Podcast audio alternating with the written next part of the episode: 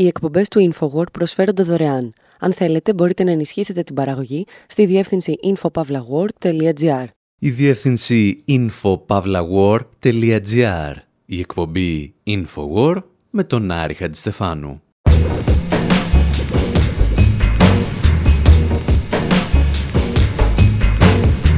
Όπου σήμερα συζητάμε και ακούμε μουσικές για ένα σύνδρομο που πραγματικά δεν υπάρχει. Το σύνδρομο της Στοκχόλμης. Ακούμε οπαδούς του Ισραήλ να υποστηρίζουν ότι αν μια ηλικιωμένη κυρία θεωρεί ότι της φέρθηκε καλά η Χαμάς κατά τη διάρκεια της ομιλίας της, δεν μπορεί παρά να είναι ψυχικά διαταραγμένη. Και απαντάμε με το πρώτο τραγούδι που ηχογράφησε σε βινίλιο η Πάτη Σμιθ, αναπαράγοντας τον Τζίμι Χέντριξ. Και ύστερα αλλάζουμε κλίμα χωρίς να αλλάζουμε θέμα. Θυμόμαστε εκείνες τις στιγμές που το ποδόσφαιρο έπαιζε μπάλα για την Παλαιστίνη, αποτείοντας ένα μικρό φόρο τιμής στους Celtics και για μία ακόμη φορά στον Έρικ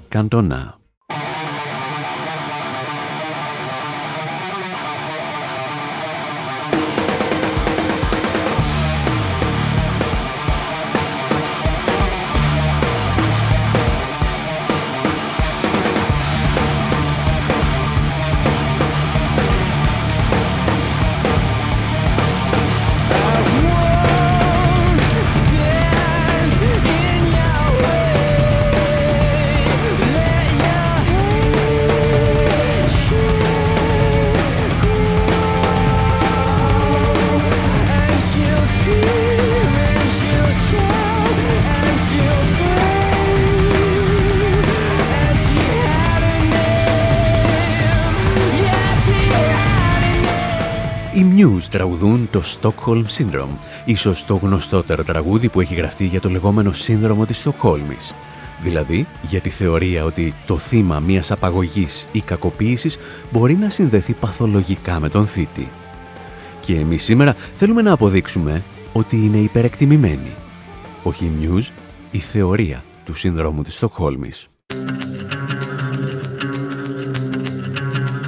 Στα μέσα Οκτωβρίου, δεκάδες οπαδοί της φαγής που πραγματοποιεί το Ισραήλ στη Γάζα άρχισαν να αναμασούν ακατάπαυστα τις λέξεις «σύνδρομο της Στοκχόλμης». Και το έκαναν μόλις η Χαμάς απελευθέρωσε δύο ηλικιωμένες Ισραηλινές κυρίες, τις οποίες είχε απαγάγει πριν από 15 ημέρες. Το πρόβλημα για το Ισραήλ ήταν ότι μία από τις δύο κυρίες, η Γιοχέβεντ Λίφσιτς, δεν τα είπε πολύ καλά στις κάμερες. Hamas shared video showing armed fighters releasing the elderly hostages to Red Cross officials just before the video ends. Η Χαμάς διάνυμε βίντεο που έδειχνε ένοπλους μαχητές να απελευθερώνουν τις γυραιές ομήρους σε αξιωματούχους του Ερυθρού Σταυρού. Λίγο πριν τελειώσει το βίντεο, η Ιοχβέντ Λίσβιτς γυρνά και να σφίξει το χέρι ενός από τους απαγωγές της, λέγοντας «Σαλόμ», την εβραϊκή λέξη για ειρήνη. Νωρίτερα σήμερα η Λίσβιτς μίλησε με δημοσιογράφους στο Τελαβίβ. Περιέγραψε τη σκηνή όπου την απήγαγαν. Άσκησες σφοδρή κριτική στην Ισραηλινή κυβέρνηση, λέγοντας πως η Χαμάς είχε σε επίθεση με μπριστικά μπαλόνια αρκετές εβδομάδες πριν και η Ισραηλινή κυβέρνηση δεν αντέδρασε.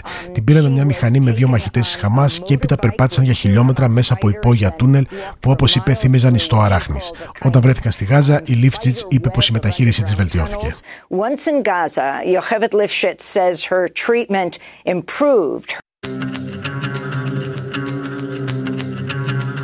Όπως ακούμε λοιπόν στο Democracy Now, η κυρία Λίφσιτς χαιρέτησε εγκάρδια τον απαγωγέα της.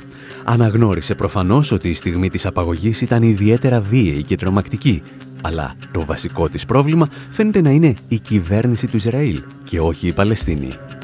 Και ύστερα η κόρη της συνέχισε να μεταφράζει όσα έλεγε η μητέρα της με περισσότερες λεπτομέρειες. My mom is saying that they were very friendly towards them and that they took care η μητέρα μου λέει πως ήταν πολύ φιλική απέναντι στους ομήρους και τους φρόντισαν καλά, πως τους έδωσαν τα φάρμακά τους και έλαβαν ιατρική φροντίδα. Ένας από τους άντρες που ήταν μαζί τους είχε τραυματιστεί βαριά από ένα τύχημα με τη μηχανή κατά τη διάρκεια της απαγωγής και ένας νοσηλευτής φρόντιζε τα τραυματά του. Του έδωσαν φάρμακα και αντιβιωτικά. Οι άνθρωποι ήταν φιλικοί, γιατρούσαν το μέρος που τους κρατούσαν πολύ καθαρό.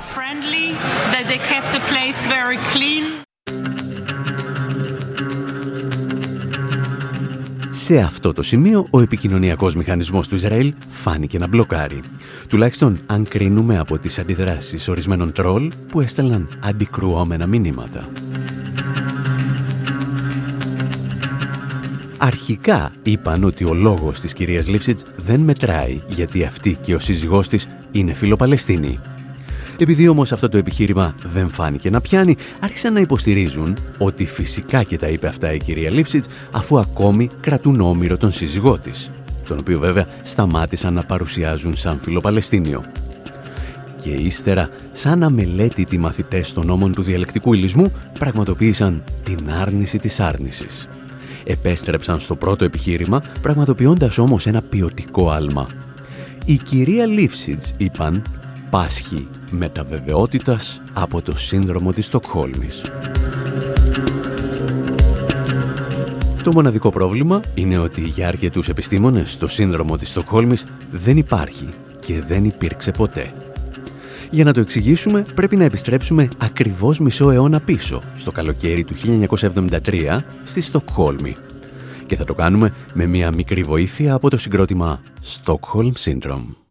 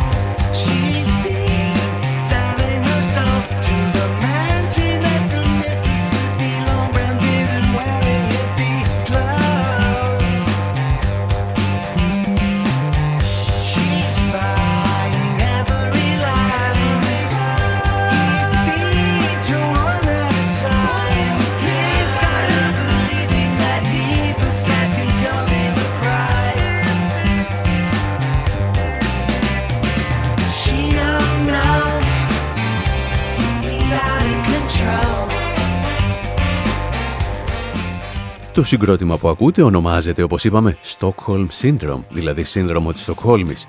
Και δεν είναι το μόνο. Με μια έρευνα μερικών δευτερολέπτων μπορείς να εντοπίσεις αρκετά ακόμη συγκροτήματα με το ίδιο όνομα. Μπορείς όμως να εντοπίσεις και δεκάδες, αν όχι εκατοντάδες τραγούδια, τα οποία είτε έχουν τον ίδιο τίτλο, είτε απλώς αναφέρονται στο σύνδρομο της Στοκχόλμης. Και εδώ βρίσκεται το μυστικό με το συγκεκριμένο σύνδρομο. Ήταν δημιούργημα των μέσων ενημέρωσης και της pop κουλτούρας και όχι της επιστήμης. Και όλα αυτά ξεκίνησαν τον Αύγουστο του 1973, όπως μας εξηγούσε παλαιότερα και ένα σχετικό ντοκιμαντέρ του BBC. In Stockholm on the 23rd of August 1973, a criminal called Jana Erik Olsen walks into a bank, pulls out a gun Στη Στορχόλμη στις 23 Αυγούστου 1973, ο εγκληματίας Γιάν Ερικ Όλσον μπαίνει σε μια τράπεζα, βγάζει ένα όπλο και παίρνει ομήρους τέσσερις υπαλλήλους. Έπειτα απαιτεί όχημα διαφυγής μετρητά και τη μεταφορά στην τράπεζα ενός συνεργού του. Ελεύθεροι σκοπευτέ αστυνομίας περικυκλώνουν την τράπεζα και οι δράσει υποχωρούν με τους ομήρους στο θησαυροφυλάκιο. Ένας αστυνομικός τρυπώνει μέσα και κλείνει την πόρτα του θησαυροφυλακίου, κλειδώνοντας μέσα ομήρους και απαγωγές. Και εδώ η ιστορία γίνεται περίεργη. Μέσα από το θησαυροφυλάκιο, μία από τις ομήρους, η Κριστίν Νέντμαρκ, τηλεφωνεί στο Σουηδό Πρωθυπουργό και κλιπαρεί να επιτραπεί στου απαγωγέ να δραπετεύσουν. Περιέργως λέει ότι θέλει να πάει μαζί τους. Ο Πρωθυπουργός αρνείται. Η αστυνομία ετοιμάζεται να επιτεθεί στο θησαυροφυλάκιο. The Prime Minister refuses. The police prepare to storm the vault. Οι μετέπειτα οπαδοί της θεωρίας του συνδρόμου της Στοκχόλμης θα ισχυριστούν ότι η Έντμαρκ τηλεφώνησε στον Πρωθυπουργό της Σουηδίας γιατί είχε κάποιο είδους βαθύ έρωτα με τους ληστές. Στην πραγματικότητα φοβόταν ότι η ζωή της απειλείται από την αστυνομία και όχι από αυτούς. The criminals agreed to come out but their hostages offered to act as human shields, protecting their captors from being shot. Οι δράστες συμφωνούν να βγουν, όμως οι όμοιροι προσφέρονται ω ανθρώπινες ασπίδες προστατεύοντας του απαγωγείς τους από πυροβολισμούς. Αργότερα οι όμοιροι θα αρνούνται να καταθέσουν στο δικαστήριο κατά των απαγωγέων και θα μάζευαν χρήματα για την υπεράσπιση τους. Ήμιζαν να έχουν τρελαθεί πηγαίνοντας με την πλευρά των απαγωγέων και όχι της αστυνομίας. Αυτή η ψυχολογική αντίδραση έγινε γνωστή ως σύνδρομο της Στοχόλμης. Ωστόσο, μια προσεκτική παρατήρηση δείχνει ότι η ιστορία δεν είναι τόσο ξεκάθαρη. Στην πραγματικότητα, η Έντμαρκ είχε σοβαρούς λόγου να πιστεύει ότι ήταν πιο πιθανό να πεθάνει σε ανταλλαγή πυροβολισμών με τους πολεμοχαρείς αστυνομικούς παρά να δολοφονηθεί από τους απαγωγείς της. Συνεπώς, ήταν προς το συμφέρον της οι εγκληματίες να φεθούν να αποχωρήσουν σόι.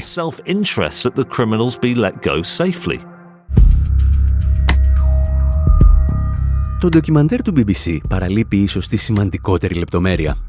Η θεωρία του συνδρόμου της Στοκχόλμης προέκυψε από έναν ψυχίατρο, τον Νίλς Μπέχεροτ.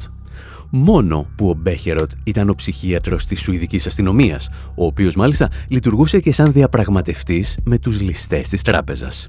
Είχε λοιπόν κάθε λόγο να αποκρύψει τις ευθύνες της αστυνομίας για το χάος που επικράτησε και να αποδώσει το πρόβλημα σε μια ψυχική διαταραχή των ομήρων.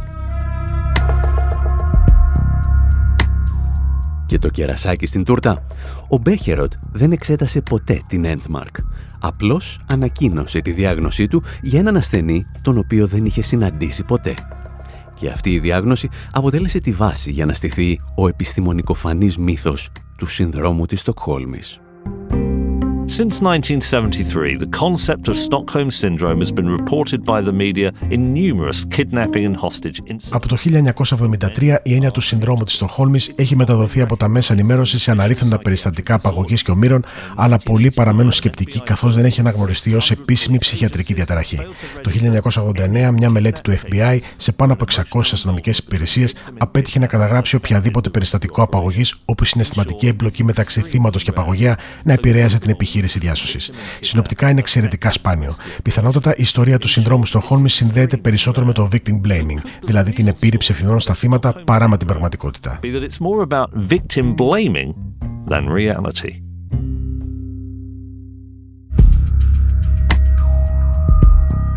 Το σύνδρομο της Στοκχόλμης λοιπόν είναι μια θεωρία που ξεκίνησε από την αστυνομία και δεν επιβεβαιώθηκε ποτέ επιστημονικά.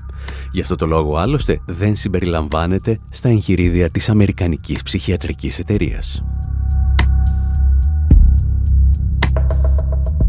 Εάν προσέξετε μάλιστα, είναι μια θεωρία που εφαρμόζεται συχνά όταν ο δράστης είναι ο αδύναμος και όχι ο ισχυρός.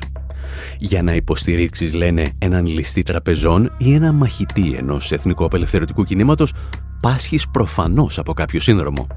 Αντίθετα, αν υποστηρίζεις τον τραπεζίτη ή τον στρατοκατοχής, είσαι απόλυτα φυσιολογικός άνθρωπος.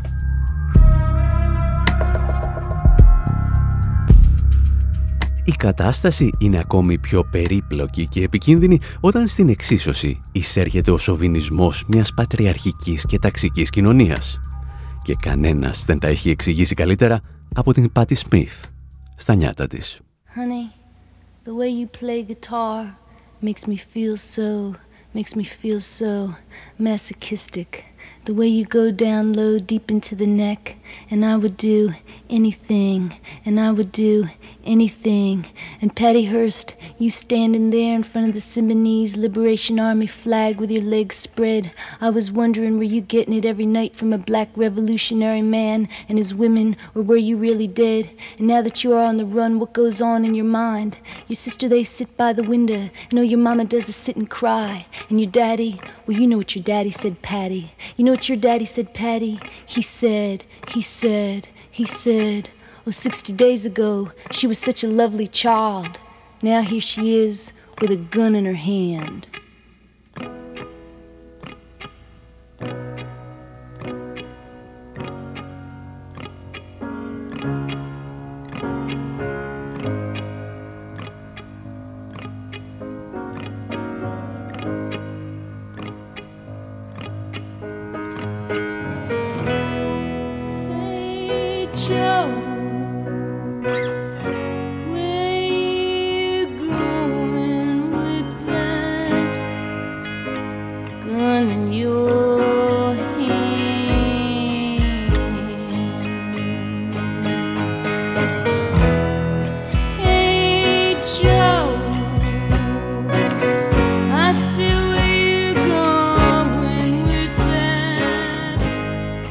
Τραγούδι που ακούμε είναι το πρώτο single που παρουσίασε σε βινίλιο η Patti Smith και φυσικά είναι μια διασκευή του Hey Joe του Jimi Hendrix.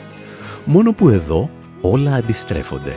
Αυτή τη φορά το όπλο δεν το κρατά ο Τζο για να σκοτώσει την άπιστη γυναίκα του, αλλά μια άλλη Πάτη, η Πάτη Χίρστ.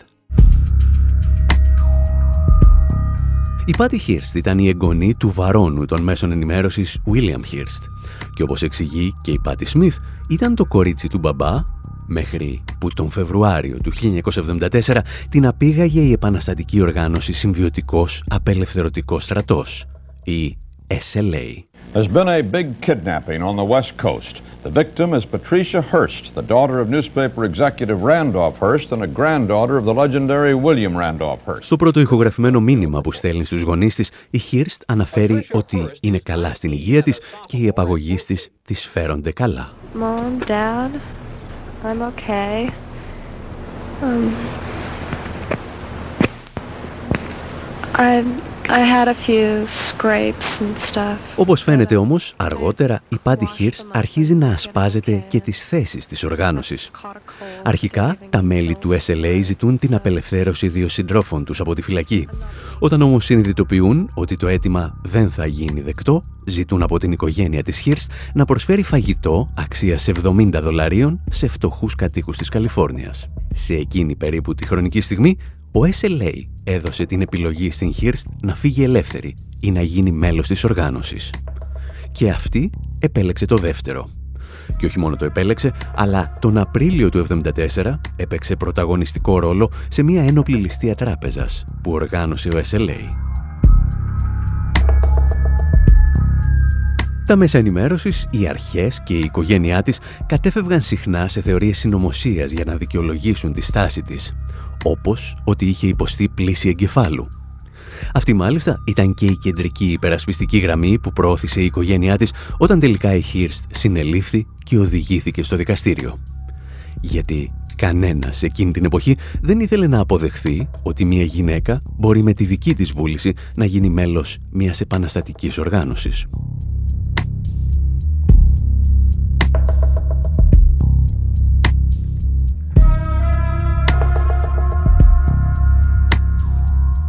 Έκτοτε η ίδια ιστορία επαναλαμβάνεται σε διάφορα σημεία του πλανήτη απέναντι σε γυναίκες που δεν ακολουθούν το δρόμο που θα ήθελε η οικογένειά τους, η κοινωνία τους και το κράτος τους. Και ένα τέτοιο παράδειγμα μας έρχεται και από τη Σρι Λάγκα. Τις πρώτες εξηγήσεις μας δίνει η μία, στο περίπου.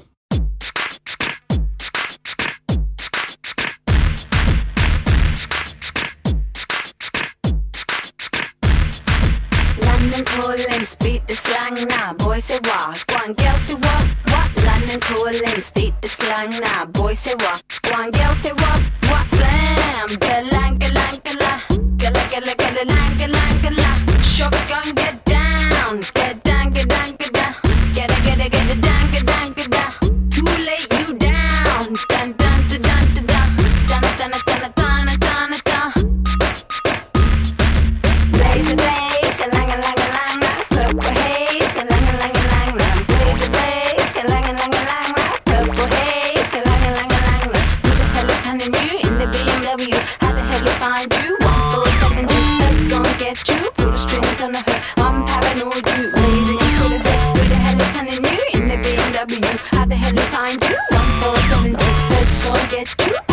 Put the strings on the hook, I'm paranoid you. Blazing, you could have been. Blaze a blaze, a lang a lang a lang, purple haze, a lang a lang a lang, blaze a blaze, a lang a lang a lang, purple haze, a lang a lang a lang, London calling, speed the slang. Η μία, πριν τα χάσει και αρχίσει να στηρίζει κάθε θεωρία συνωμοσία που έσκαγε στο κινητό της, τραγουδά τον Γκαλάνγκ, κάπου εκεί στα μέσα του 2003.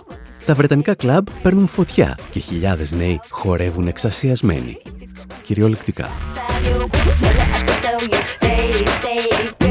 Αυτό που δεν γνωρίζουν είναι ότι χορεύουν με ένα τραγούδι που γράφτηκε προς τιμήν της οργάνωσης Τίγρης Ταμίλ για την απελευθέρωση του Ταμίλ Ελάμ, το Αντάρτικο της Σρι Λάγκα. Οι Τίγρες Ταμίλ αποτέλεσαν ένα από τα καλύτερα οργανωμένα απελευθερωτικά κινήματα του πλανήτη. Ξεκίνησαν τις μάχες για την αυτονομία της Βόρειας Σρι Λάγκα το 1983 και έπεσαν μαχόμενοι το 2009. Στην πορεία έχασαν χιλιάδες μαχητές, αλλά σκότωσαν και χιλιάδες από τους αντιπάλους τους. Και ανάμεσα στα θύματά τους ήταν ο πρόεδρος της Σρι Λάγκας, Ρασανίγκε Πρεμαδάσα, αλλά και ο πρωθυπουργός της Ινδίας, Ρατζίβ Γκάντι. Ήταν ίσως η μοναδική οργάνωση ενταρτών που κατάφερε να δολοφονήσει δύο αρχηγούς κρατών.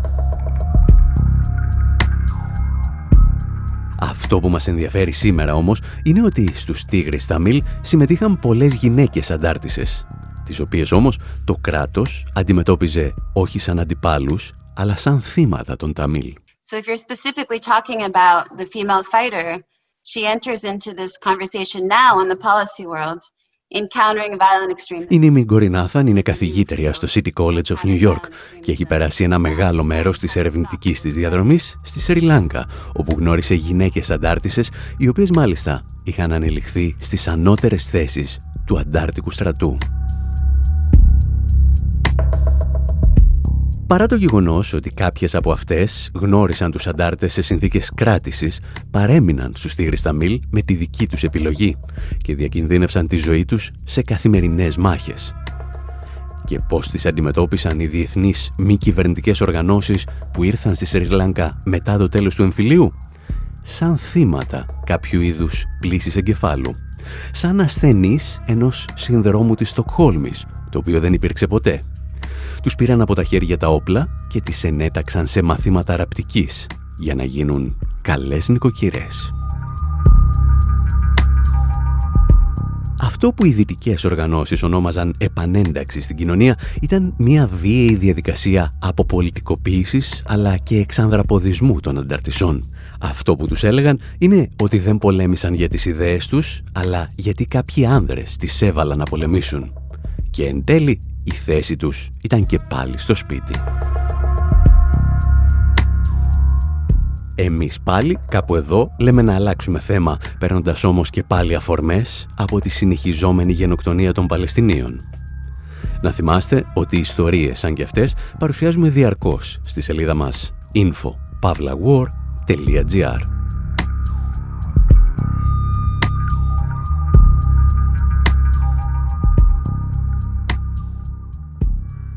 Οι εκπομπές του InfoWord προσφέρονται δωρεάν. Αν θέλετε, μπορείτε να ενισχύσετε την παραγωγή στη διεύθυνση infopavlagor.gr.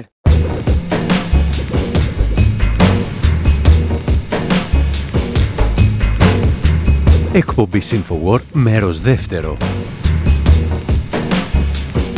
Όπου συνεχίζουμε να εμπνεόμαστε από όσους συνεχίζουν να αντιδρούν στην ενεξελίξη γενοκτονία του Παλαιστινιακού λαού. Και μια τέτοια έμπνευση μας ήρθε από τις πρόσφατες αντιδράσεις των οπαδών της ποδοσφαιρικής ομάδας Celtic, οι φίλοι της οποίας σήκωσαν μαζικά παλαιστινιακές σημαίες όταν όλοι τους έλεγαν ότι θα τιμωρηθούν εάν το κάνουν.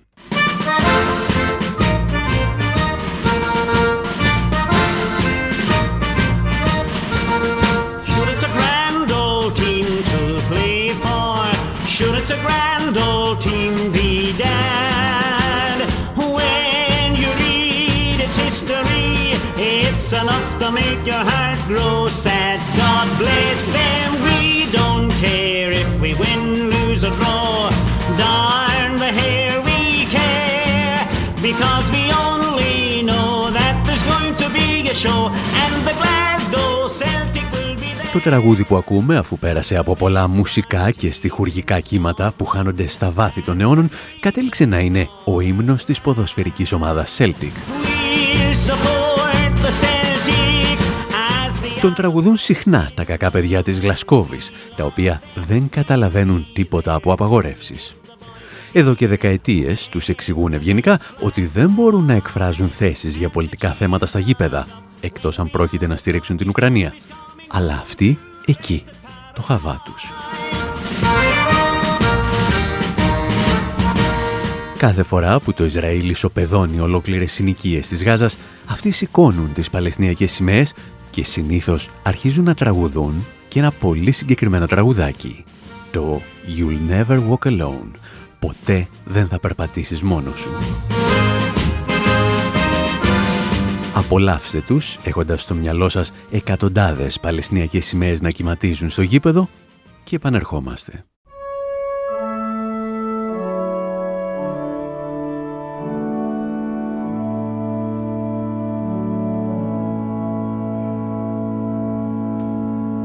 When you walk through a storm, hold your head up high and don't be afraid of the dark.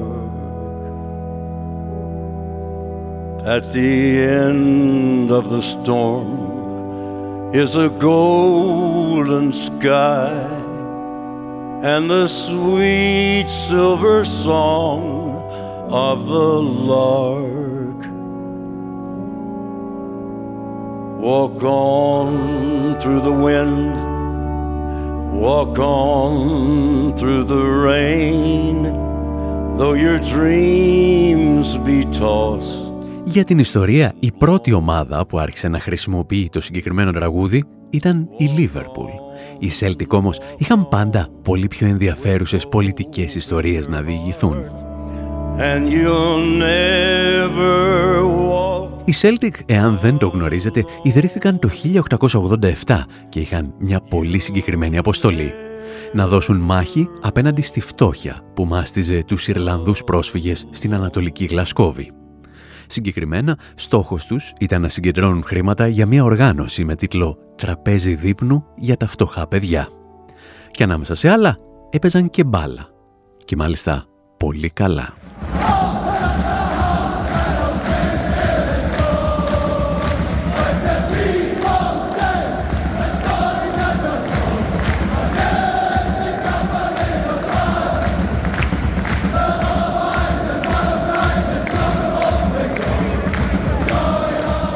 Την περασμένη εβδομάδα λοιπόν, ενώ όλοι περίμεναν τον αγώνα με την Ατλέτικο Μαδρίτης, η διοίκηση της ομάδας ενημέρωσε τους φιλάθλους ότι δεν θα ανεχθεί πολιτικά μηνύματα και σημαίες.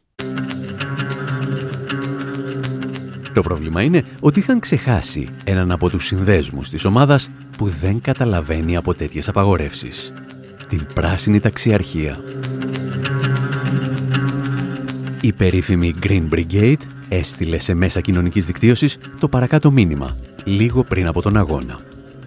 Η Celtic γεννήθηκε μέσα από την πείνα και την καταπίεση και γι' αυτό οι οπαδοί της είναι φημισμένοι για την ενσυναίσθηση και την αλληλεγγύη τους. Στις 25 Οκτωβρίου, κόντρα στην Ατλέτικο, καλούμε όλους τους οπαδούς της Celtic να σηκώσουν τη σημαία της Παλαιστίνης στο γήπεδο. Να δείξουμε ότι στεκόμαστε με τον καταπιεσμένο. Και η συνέχεια ήταν μια θάλασσα από σημαίες και μπάνερ της Παλαιστίνης.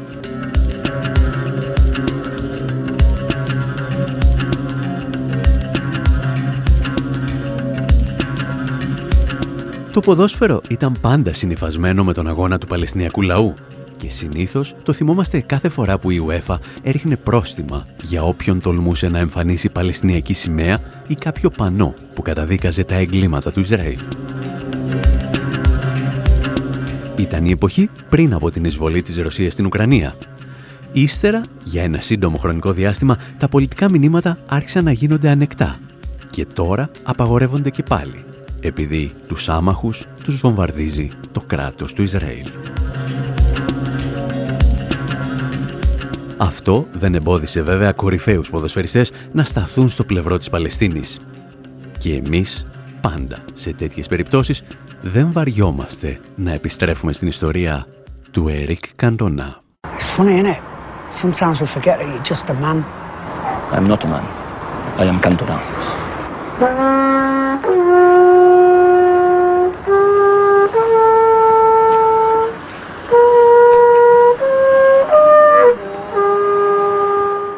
Όσοι δεν ασχολείστε με το ποδόσφαιρο, ίσως να γνωρίσατε για πρώτη φορά τον Καντονά από την ταινία «Αναζητώντας τον Ερικ» του Ken Loach.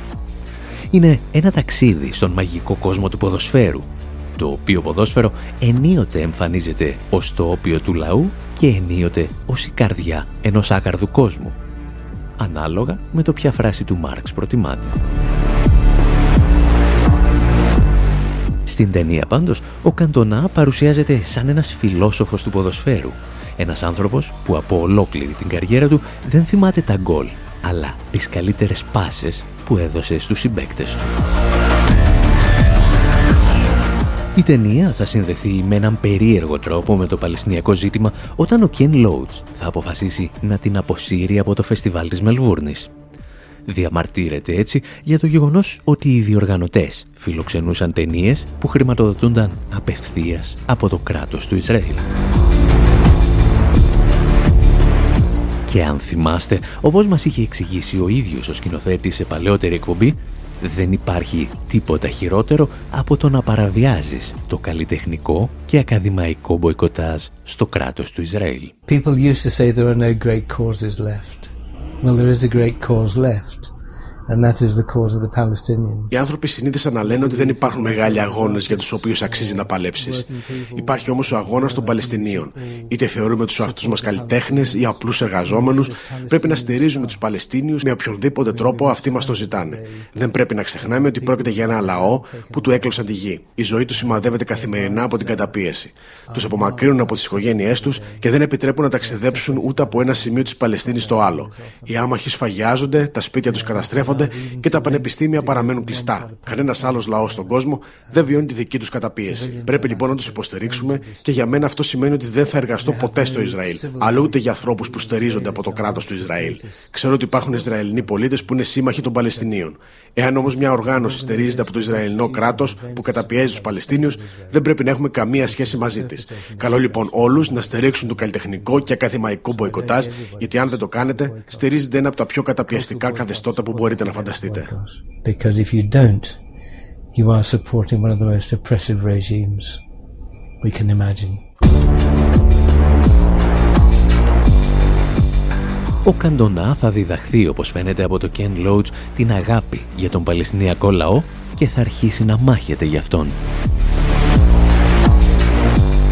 Το 2012, όταν ένας Παλαιστίνιος ποδοσφαιριστής θα ξεκινήσει απεργία πείνας για την ανέτεια σύλληψη και κράτησή του από τα Ισραηλινά στρατεύματα κατοχής, ο Καντονά θα είναι από τους πρώτους αστέρες του ποδοσφαίρου που θα σταθούν δίπλα του μαζί με τον Μισελ Πλατινί, τον Φρεντερίκ Κανουτέ, αλλά και εκατοντάδες διανοούμενους από όλο τον κόσμο.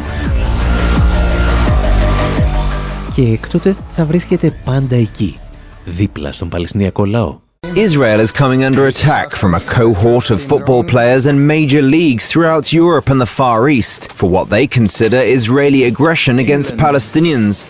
Το Ισραήλ δέχεται επίθεση από ομάδα ποδοσφαιριστών και μεγάλων πρωταθλημάτων σε όλη την Ευρώπη και την Απανατολή για την επιθετικότητα κατά των Παλαιστινίων. Οι αθλητές καλούν την UEFA να ανακαλέσει την πρόσφατη απόφασή της για τη διοργάνωση του Ευρωπαϊκού Πρωταθλήματος κάτω των 21 ετών στο Ισραήλ.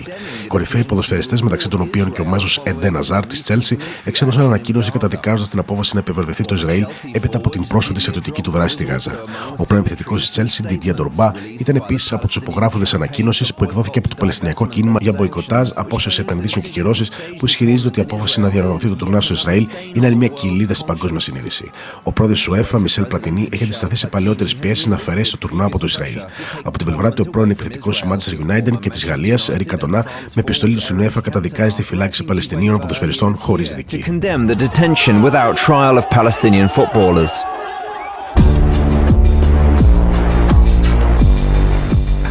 Έξι χρόνια μετά τη στήριξη στον Παλαιστίνιο ποδοσφαιριστή Μαχμούτ Σαρσάκ βρίσκουμε τον Καντονά δίπλα στην Πάτη Σμιθ και τους Libertines στη μεγάλη συναυλία που πραγματοποιήθηκε στο Λονδίνο για τους Παλαιστίνιους. Και ο τίτλος της ήταν Hopping από τη φράση Hope and Optimism for Palestinians in the Next Generation. Ελπίδα και αισιοδοξία για τους Παλαιστίνιους στην επόμενη γενιά. Και επειδή υποθέτουμε ότι δεν ήσασταν σε εκείνη τη συναυλία όπως δεν ήμασταν κι εμείς, σκεφτήκαμε να την αναπαραστήσουμε ραδιοφωνικά. Ξεκινώντας με την Πάτη Σμιθ να μας εξηγεί που έχει γραμμένους όσους πιστεύουν ότι τα τραγούδια της είναι ελαφρώς ξεπερασμένα.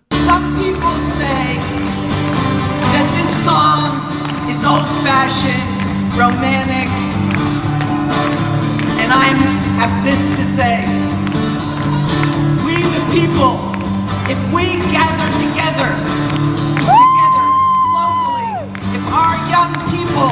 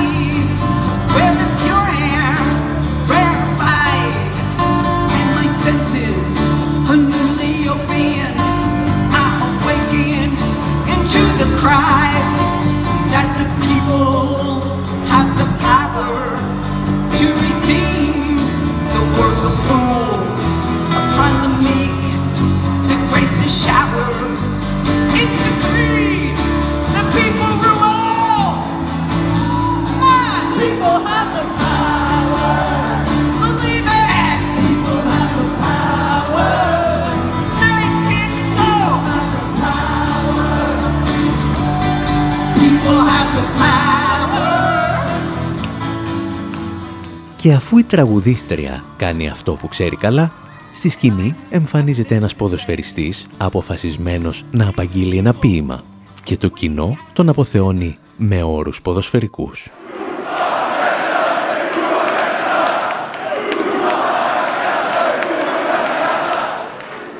Ο Καντονά θα επιλέξει τον ποιητή Σαμίχ Κασέμ, που μόνο η δική του ιστορία θα αρκούσε να γεμίσουμε δύο εκπομπές. Παλαιστίνιος που ζούσε στο Ισραήλ θα μπει για πρώτη φορά στη φυλακή το 1960 επειδή αρνείται να καταταγεί στον Ισραηλινό στρατό. Και θα ξαναμπεί το 1967 γιατί πλέον είναι μέλος του Κομμουνιστικού Κόμματος ενώ ξεκινά ο πόλεμος των έξι ημερών. Και από όλα του τα ποίηματα, ο Ερικ Καντονά θα επιλέξει το Enemy of the Sun, που στα ελληνικά έχει μεταφραστεί «Λόγος στην αγορά της ανεργίας». I may, if you wish, lose my livelihood. Ίσως να στερηθώ και το ψωμί μου. Ίσως το στρώμα ξεπουλήσω και τα ρούχα μου. Ίσως δουλέψω σκουπιδιάρης, πετροκόπος και χαμάλης. Ίσως να σοριαστώ γυμνός και πεινασμένος, εχθρέ του ήλιου αλλά δεν παζαρεύω και ως τον ίστατο χτύπο της καρδιάς μου θα αντιστέκομαι.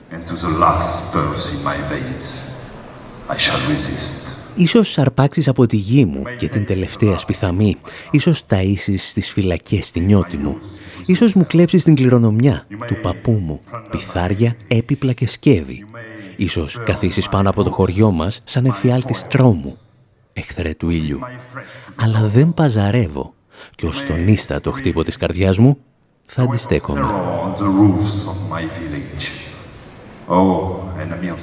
Ίσως από τις νύχτες μου να σβήσεις κάθε φως, ίσως να στερηθώ της μάνας στο φιλί, ίσως και ένα παιδί να βρίσει το λαό μου, τον πατέρα μου. Ίσως να κλέψεις μια στιγμή απροσεξίας από τον φύλακα των πόνων μου. Ίσως πλαστογραφήσει την ιστορία μου ένας δηλός, μυθομανής θρησκόληπτος. Ίσως στερήσεις στα παιδιά μου καινούριο ρούχο στη γιορτή. Ίσως με δανεισμένο πρόσωπο τους φίλους μου πλανέψεις. Ίσως υψώσεις γύρω μου τυχιά, τυχιά, τυχιά. Ίσως τις μέρες μου καρφώσεις στο σταυρό του εξευτελισμού, εχθρέ του ήλιου. Αλλά δεν παζαρεύω και ως τον ίστατο χτύπο της καρδιάς μου θα αντιστέκομαι. Θα αντιστέκομαι. I shall resist. I shall resist.